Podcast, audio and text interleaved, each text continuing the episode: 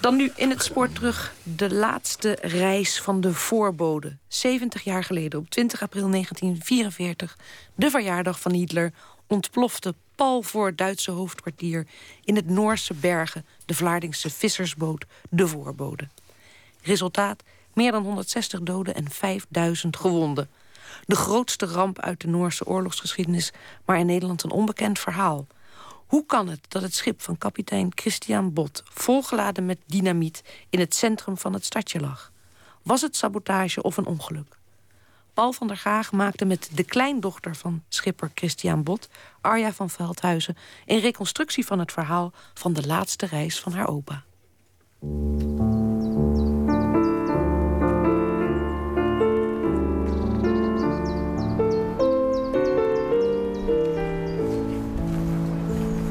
Ja, we lopen nou op een begraafplaats in Vlaardingen. En hier ergens ligt jouw opa. Ja, hier is de as eh, van mijn opa bijgezet na de oorlog. En we zijn nu vlakbij het graf. Het is een hele mooie oude begraafplaats. Emaus begraafplaats, uh, ja? vlakbij de molen in Vlaardingen. Er is geen paardje, we moeten echt over een aantal andere graven heen stappen. Nou hier rust onze lieve man en vader Christian Bot. Geboren 12 maart 1913 en overleden 20 april 1944.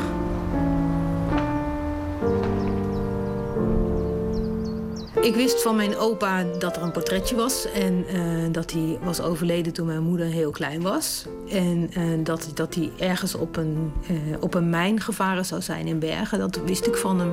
Maar dat hij iets te maken had met een hele grote gebeurtenis in, in Bergen, Noorwegen. Daar wist ik dus niks van.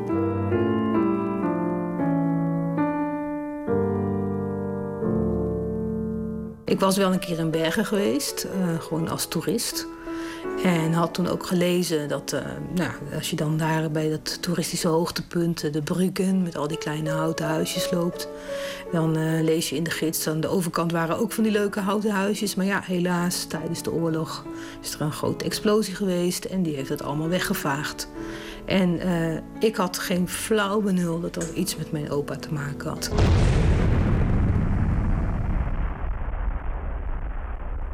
Werd er toen jij klein was thuis over opa gepraat? Uh, nou, er werd nauwelijks over mijn opa gepraat. Uh, wel dat mijn moeder haar vader heel erg gemist had, dat soort dingen. En als je dan vroeg van hoe was dat dan, hè, dat het opa ineens dood was... kreeg je wel zo'n verhaal van mijn oma die uh, had aangevoeld dat hij dood zou gaan. Dat op het moment dat de dominee kwam en zij stond te strijken... dat verhaal heb ik altijd op onthouden dat ze eigenlijk op het moment, op het moment dat de dominee opdook al wist dat hij dood was. Want dat had ze de, de nacht ervoor gedroomd. En je opa was visser? En mijn opa was uh, schipper op... Uh, uh, ja, die, hij was visser. Arja van Veldhuizen heeft nog een knipsel uit de Vlaardingse kerkbode... waarin het nieuws van het overlijden van haar opa wordt gebracht. Daaruit blijkt dat in Nederland nog niet is doorgedrongen... wat er precies in Noorwegen is gebeurd. Opnieuw moeten we het overlijden memoreren van een van onze mannen in den vreemde. Het is Christian Bot, gewoond hebbend Boslaan 29. Hij werd 31 jaar. In vredestijd schipper ter haringvangst legde sinds enige tijd de arbeidsinzet beslag op hem. Hij koos ook thans het natte element en werd kapitein op een schip in de Noorse wateren.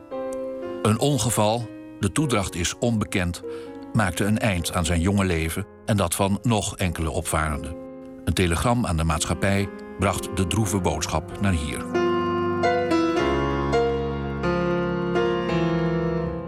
Christian Bot is niet de enige Vlaardingse visser die voor de Duitsers werkt. Volgens de plaatselijke historicus Jan van der Voort doen ze dat bijna allemaal. Ze moesten wel, omdat ze de pech hadden niet op zee te zijn toen de Duitsers binnenvielen. De Vlaardingse haringvissers die bereiden zich voor om uit te gaan varen. Uh, in mei, begin mei. Maar ja, ze hadden verschil van mening over de CAO, over de arbeidsvoorwaarden. En toen zeiden ze, nou, uh, we schuiven twee weken op, overleggen we nog verder. Maar ja, toen werden ze verrast door de inval van de Duitsers. En die gingen naar die schepen kijken en die dachten, nou, die kunnen we goed gebruiken. En die werden bijna allemaal in beslag genomen. In de maanden daarna. En uh, die werden dikwijls omgebouwd tot wat dan heette voorpostenboten. Die dus bij uh, oorlogsdoeleinden konden worden ingezet als bewapen, bewakingsschepen enzovoort. Toen op een gegeven moment, dat is toch wel een beetje via, aanvankelijk via mond-op-mond reclame gegaan, hoorden ze van ja, er waren een soort uitzendbureaus in Rotterdam. En die vroegen van zijn er eh, eh, mensen die weten hoe schepen varen. En we moeten materiaal naar uh, Frankrijk brengen of naar Vlissingen en, of nog verder later. En nou, dat wilden ze dan wel, want die vissers wisten wel hoe ze een schip moesten besturen en varen. De nu 98-jarige collega van Christian Bot, Hugo Plokker, werkt ook voor de Duitsers. Hij kan zich nog goed herinneren dat het werk op de in beslag genomen boten wordt aangeboden. Hij zei, hé hey, Vlaardingen, luister eens joh. Ze hebben een visserschip in beslag genomen. Dat was onder andere de Vlaardingen 103 en nog een troller. Uh, en nog wat motorloggers en toestanden. En die moesten naar Noorwegen. Zeg, Chris, nog als je wat is dat? Zei, nou en zo en zo, de Vlaardingen 103. Toen is hij daarheen gegaan ook werd hij aangenomen. En toen is Chris Bot met dat schip naar Noorwegen gevaren. En daar is hij eh, in duizend stukjes gevlogen.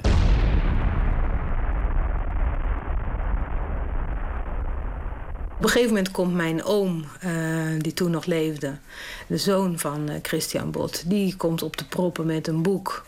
En daar staat op 20 april 1944. En een behoorlijk dik Noors boek. En uh, kan je dat even lezen? Want uh, jij spreekt Noors, toch? Nou ja, ik heb een, een volksuniversiteit cursus Noors gedaan. en kan je even goed opletten wat ze nou zeggen over die explosie? Explosie? En ja, dan kom ik er dus achter. Voor in dat boek staat een foto van mijn opa. En dan kom ik er dus achter dat hij de schipper is van dat schip wat daar de lucht in gevlogen is. En dat dat de reden is van die explosie. Dus helemaal niet een mijn of zo. Uh, maar gewoon echt het schip is het totaal geëxplodeerd. Nou, daar bleek dus echt een heel ingewikkeld uh, verhaal achter te zitten, wat vol vraagtekens zit. Maar, maar die oom wist dat dus kennelijk wel. Ja, maar die heeft er dus ook nooit over gesproken. En uh, zelfs nadat ik het boek had gelezen en hem teruggerapporteerd had... van, uh, nou ja, ze staan eigenlijk... Ze zijn eigenlijk helemaal niet boos op ons. Want dat was eigenlijk de vraag, hè. Zijn die Noren boos op ons? Omdat ze misschien denken dat uh, Christian Bot, mijn opa, daar dan de hand in had gehad.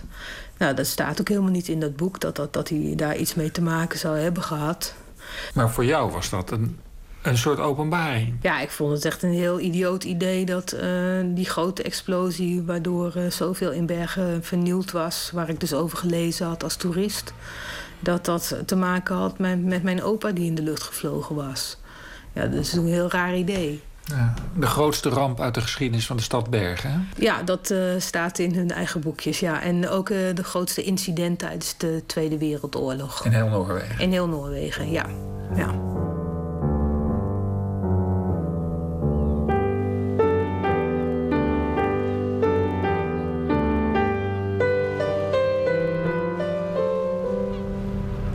Arja, we zijn nu in Bergen, in de haven, in het centrum van het stadje.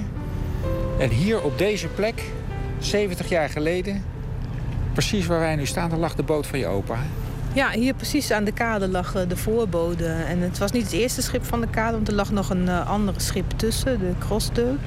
En hij is aangemeerd aan de buitenkant van dat andere schip. En het is tot op de dag van vandaag een onbegrijpelijke lichtplaats in de context van de oorlog. Ja, want beschrijf eens wat we zien als we hier om ons heen kijken. Nou, we zitten recht tegenover de Rozenkrantstoren en de, de Holkonshallen en de militaire gebouwen die daartussen zitten. Dus recht tegenover de vesting van Bergen. De oude middeleeuwse ja, vesting die hier stond van de oude Noorse koningen. En ja, daar ligt het gewoon pal vooraan. En in die vesting zat op dat moment het Duitse commando, hè? Ja, de Duitse commandotroepen zaten in, uh, in dit uh, hele gebied. Ja. En wat ook bijzonder is, is dat nu 70 jaar later... het schip wat naast de plek ligt waar je open lag... Dat schijnt er toen ook gelegen te hebben. Precies ditzelfde schip. Ja, speciaal voor deze herdenking hebben ze uh, dat schip gevraagd om hier weer te komen liggen. Dit uh, schip heet MS Rogaland. En de MS Rogaland lag dus precies op dezelfde plek, dezelfde afstand als de grote oranjeboot die nu op de plek van de voorbode ligt. Lag precies hier aan de kade. En, tijdens de explosie is, dit, uh, is de Rogaland vergaan. Is er gewoon echt uh, gezonken. En ze hebben, toen ze het schip geborgen hebben, hebben ze toch besloten om het weer op te lappen. En ligt hier nu in vol ornaat en misschien nog wel beter onderhouden dan dat het er toen uitzag. Maar het is destijds gezonken. Ja, en het heeft nu ter gelegenheid van 70 jaar een kleine tentoonstelling aan boord over de ramp die 70 jaar geleden heeft plaatsgevonden. Want er gebeurt hier van alles. Hè? Ja, er zijn een aantal mensen heel erg druk geweest met het voorbereiden van een uitgebreid programma. En eh, nou, de, de, de MS Rogaland, om hier die precies op dezelfde plek te krijgen, is één ding. De filmpremière is een ander ding. En er zijn lezingen, uh, er is een fototentoonstelling dus. En er komt nog een fototentoonstelling in het Bergenhuis.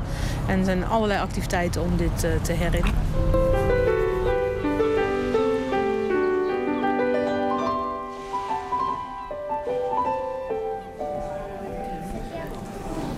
Nou, we zijn hier in Bruggens Museum en uh, we zitten hier uh, net een paar minuten voordat uh, de première is van de film van de Bergens Fritidsfilmeren. Die dus een film hebben gemaakt over de explosie ter gelegenheid van dat het deze week 70 jaar geleden was dat hier de voorbode is ontploft.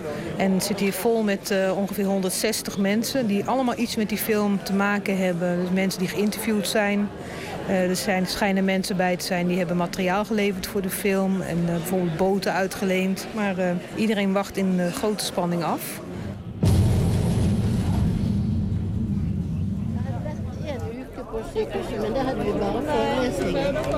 Ja? Dit was voorstellen. Ah ja, na de voorstelling van de film werden we door een klein, heel oud vrouwtje nog even aangesproken. Wie was dat? Het was Blanse voor Witsten. En uh, zij vertelde dat ze uh, tijdens de explosie net begonnen was aan haar opleiding als verpleegster. Ze zat in het ziekenhuis en ze zaten in een soort klaslokaal. En plotseling werden ze allemaal van hun stoelen weggeslagen en lagen ze op de grond. En dat moet dus vanwege de explosie zijn geweest. Ze hadden geen idee wat er aan de hand was. Uh, en verder kwam van, het, van de opleiding de rest van de dag helemaal niets meer. Want ze zijn onmiddellijk ingezet om gewonden te helpen die in grote getalen afgevoerd werden naar het ziekenhuis. En ze vertelde dat ze in die dag van alles heeft meegemaakt wat ze helemaal, waar ze helemaal niet op voorbereid was. En dat ze onder andere meer dan twee uur heeft gezeten naast een man... Uh, die, zoals ze dat zei, naar binnen geslagen was, ingedrukt was. Um, en die uiteindelijk ook overleden is. En pas daarna ontdekte ze dat het iemand was die ze heel goed kende. Dat had ze dus helemaal niet gezien. En um, ik vroeg of ze verder wel ooit nog verpleegster was, had willen worden na die dag. Maar dat is wel gelukt. Ze heeft de hele carrière als verpleegster gewerkt. Maar ze had zich wel een iets andere start voorgesteld van haar uh, werk. Ja. Maar op heel grote afstand van de haven werden mensen dus nog uit hun stoelen gesmeed. Ja, ze, vertelde, ze vertelde dat het meer dan een uh, halve kilometer vanaf de ongeluksplek was. Ja. Mensen traf je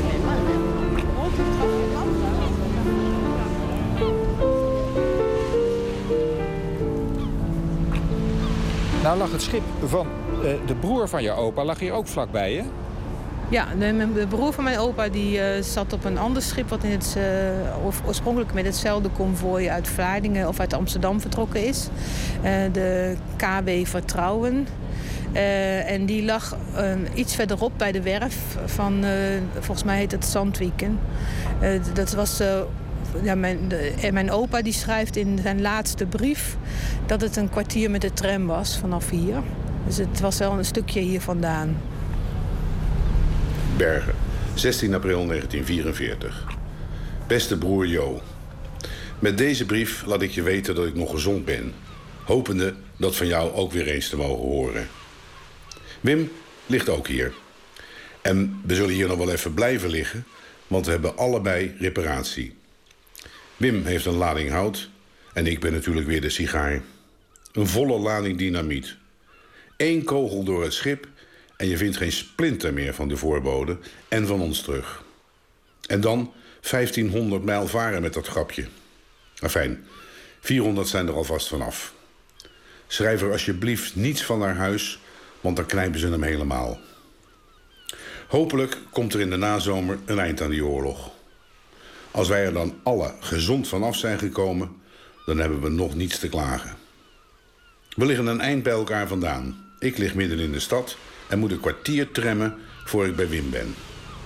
Nou Jo, ik weet niet meer. Het beste toegewenst en vele groeten van je broer Chris.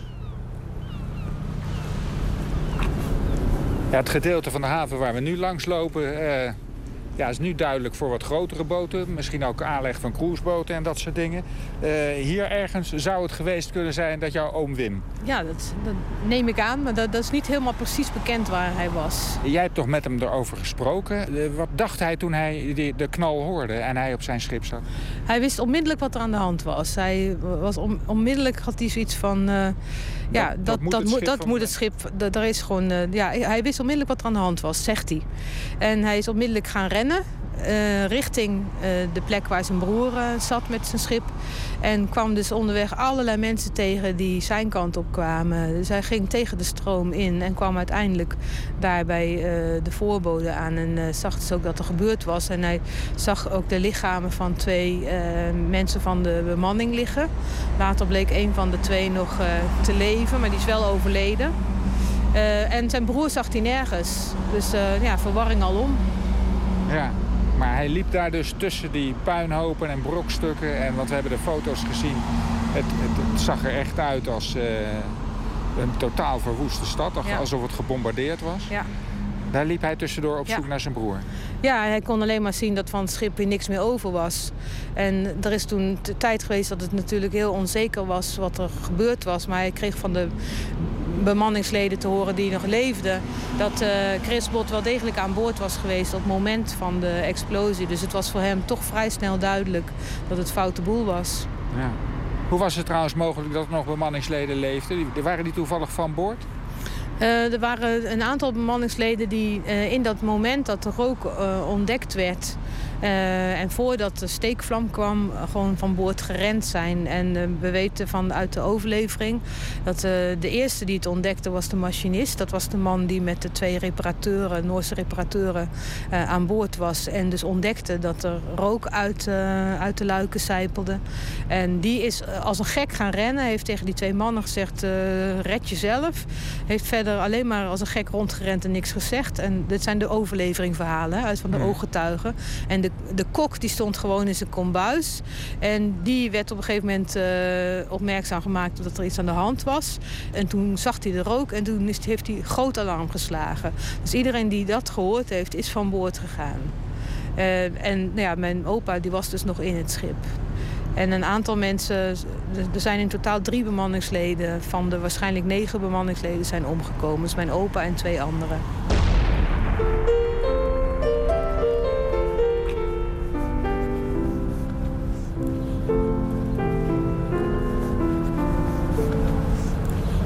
En de broer van je opa, wat dacht hij wat de oorzaak was? Dat was natuurlijk een interessante vraag voor mij ook om uh, antwoord op te krijgen. En hij uh, zei, volgens mij was het een, uh, een publiek geheim dat het schip helemaal als een soort van drijvende bom vanuit Oslo deze kant op kwam. En de, hij, hij denkt de sabotage. Hij weet dat er een sterke verzetsgroep in Bergen was.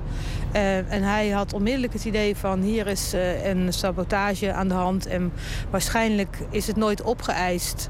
Omdat ze in zijn theorie dan uh, dachten van nou dat is toch een beetje uit de hand gelopen.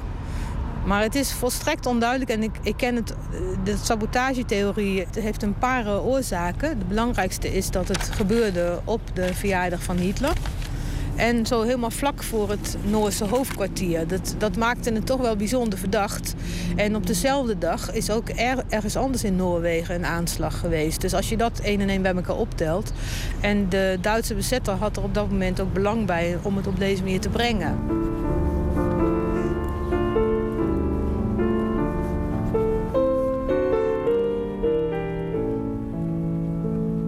Niet alleen de broer van Christian Bot denkt dat het om een aanslag ging. De Duitsers ook.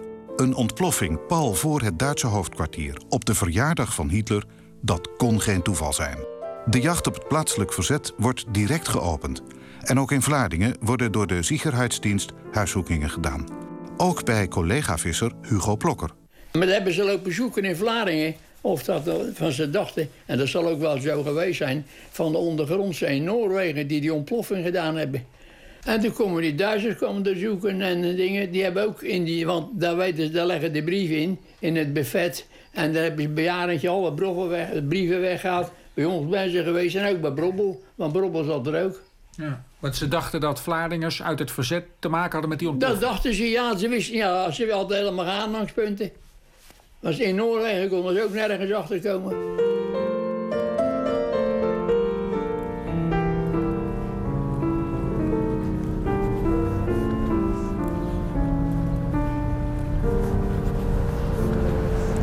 Dan gaan we hier in Bergen ook op bezoek zo bij de man... door wie jij eigenlijk achter dit hele verhaal gekomen bent. Wat er precies gebeurd is. Uh, hij heeft heel uitgebreid onderzoek gedaan. Hè? Ja, we gaan naar uh, uh, oud-journalist Ot Stran. En die is nu 95 als ik het goed heb. En die heeft in 1970 een boek gepubliceerd. Hij heeft zelf de explosie meegemaakt. En heeft heel uitgebreid onderzoek gedaan in alle mogelijke bronnen, in de archieven. En uh, ook heel veel gesproken met ooggetuigen. En het is een, uh, ja, een soort standaardwerk geworden wat in 1970 is uitgegeven. En wat ik in, in het begin van de jaren 80 van mijn oom in handen gedrukt krijg.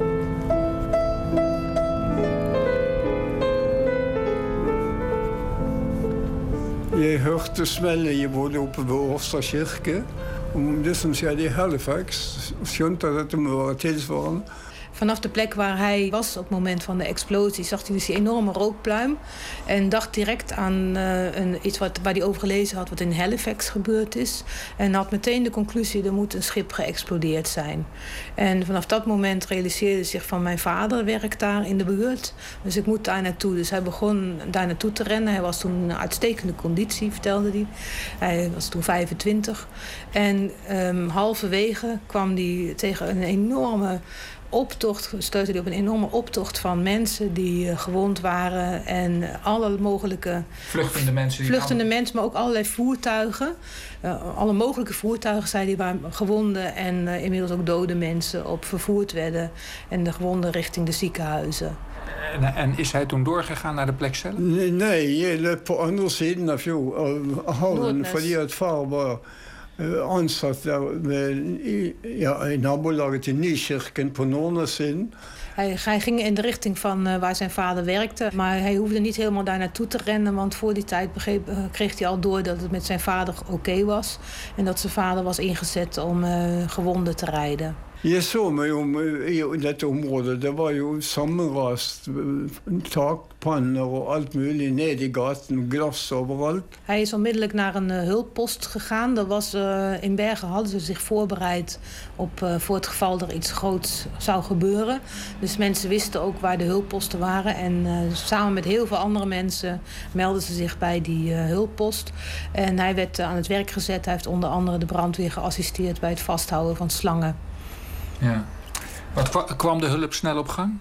Um... Og vi hadde et uh, veldig godt system av uh, hjelpestasjoner og hjelpemannskap. Ja, iedereen wist precies hoe het georganiseerd zou zijn als er iets erg was. Dus er waren, was gewoon een systeem van hulp. Dus mensen in Bergen wisten precies wat ze moesten doen. En, uh, en ook dat ze verwacht, van, verwacht werd dat ze gingen helpen. Dus dat werkte als een tierenlier binnen, binnen enkele uren.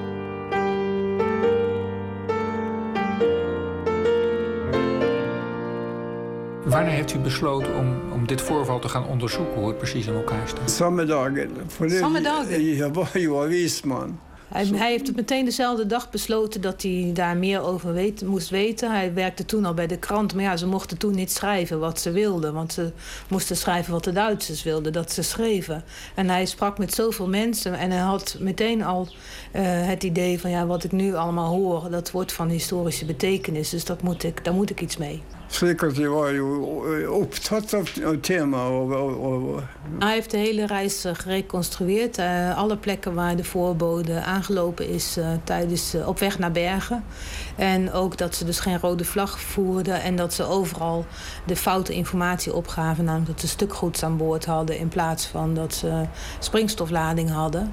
Um, en dat, dat was heel slecht dat ze dat uh, niet hebben opgegeven. Nou vaart de voorbode op 16 april 1944 Bergen in. En gaat dan vlak voor het Duitse hoofdkwartier liggen. Is dat niet heel eigenaardig? En burde absoluut ikke legge, legge seg til dat er var forbud mot å komme inn på Indre Haven. Ja, de, het was gewoon de enige plek die hij kon vinden, eh, omdat er in Pudefjord geen plek was is Christian Bot dus naar binnen gevaren. Niet wetende waar hij precies was. En hij is braaf naar binnen gegaan. Naar het havenkantoor. En heeft opgegeven wat hij moest opgeven. Namelijk stukgoed. Nou gebeurde het op de verjaardag van Hitler. Zorgde dat ook voor extra Duitse slachtoffers? Man skulle markeren Hitlers fødselsdag i Håkonshallen. Ja, er waren inderdaad meer, meer Duitsers dan normaal. Iedereen was uitgenodigd om eh, Hitlers uh, verjaardag te vieren. En er is ook meer doden. Ja, er waren dan uh, meer doden vanwege het feit dat het op Hitlers verjaardag was. Dat gaf ook direct uh, aanleiding tot allerlei speculaties. Hè, dat het om een soort aanslag zou gaan, om sabotage. Och tysk politie arresteerde jo twee mannen som de hadden mistenkt voor Men die, die... Eh, direct na de, na de explosie uh, kwam er in het nieuws... en dat was onder leiding van de Noorse nazi-overheid... dat het sabotage moest zijn want uh, het was precies op Hitlers verjaardag en iedereen wist dat er heel veel Duitse officieren daar in die holkenhallen zouden zitten. Dus dat moest wel sabotage zijn. Die hadden bestemd zich voor het moest wel sabotage. Die, die allerede in samme dagen stod er in avisen dat een sabotage. Zijn conclusie is dat het heel duidelijk een ongeluk is. Omdat het uh, schip ja, gewoon tegen de, alle regels in uh, verkeerd was geladen. En dat uh, de dynamiet en de slaggoedjes in één ruimte zaten. En dat is gaan smeulen en dat is gaan branden. En het heeft dus alles te maken met de manier waarop het schip uh, volkomen tegen de regels ingeladen was. Dat is volgens hem heel helder, de oorzaak. Dus dan zou het dus een ongeluk zijn. En zo staat de naam Christian Bot ook in de geschiedenisboekjes hier? Die moeten bara vinden ze ook als norske myndigheter moeten vinden ze ja. ja. Hij ziet geen enkele reden waarom de Nederlandse familie zich zou moeten schamen. Omdat er is gebeurd wat, over, wat, uh, wat, wat, ook hier in Noorwegen is gebeurd. Dat schepen werden in beslag genomen. En uh, de schippers hadden geen enkele inspraak in wat ze moesten doen daarmee. Dus die moesten gewoon doen wat de Duitsers zeiden. En dat is ook gebeurd met heel veel Noorse schepen die in, in beslag zijn genomen. En waar de eigenaren uh, en de schippers ook niet konden uitmaken wat ze ermee deden. Die moesten gewoon doen wat de Duitsers zeiden.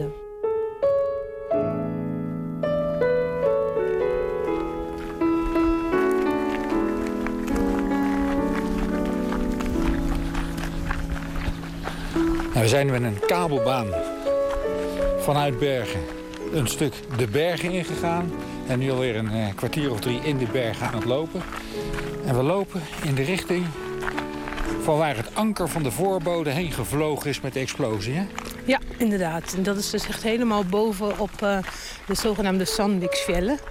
En daar uh, is een heel stuk anker neergekomen. Dat hebben ze op een gegeven moment vastgezet. En iedereen was zo ondersteboven van dat dat zo ver kon komen. En bij dat anker is nu een kleine gedenkplaats gemaakt. En naast de anker staat een hut. En die heet dus sindsdien ook de Ankerhut.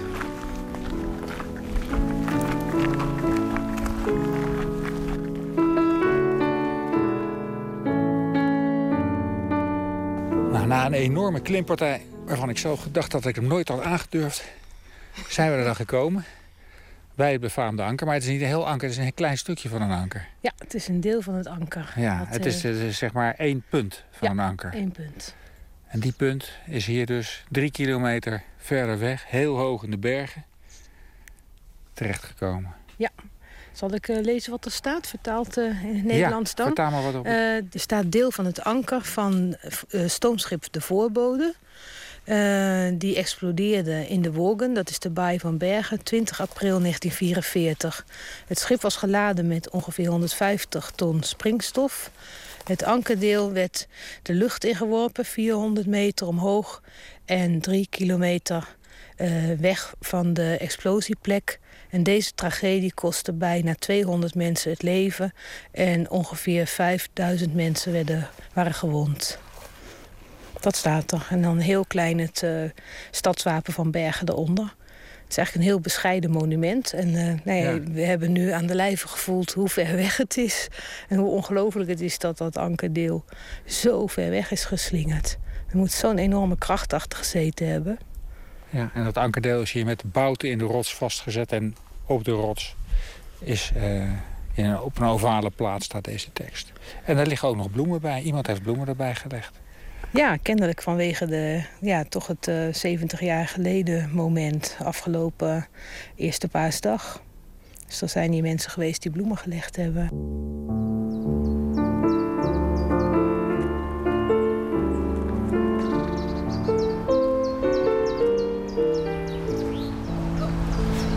Terug waar we begonnen. We staan bij het graf van je opa, waarop de sterfdatum 20 april 1944 stond.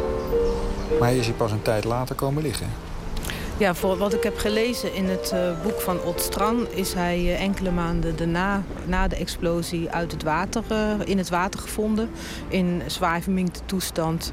En wie dan het besluit heeft genomen om hem te cremeren, dat weet ik niet. Zijn broer heeft dus de as na de oorlog opgehaald... op de terugweg vanuit Noord-Noorwegen en naar Vlaardingen gebracht.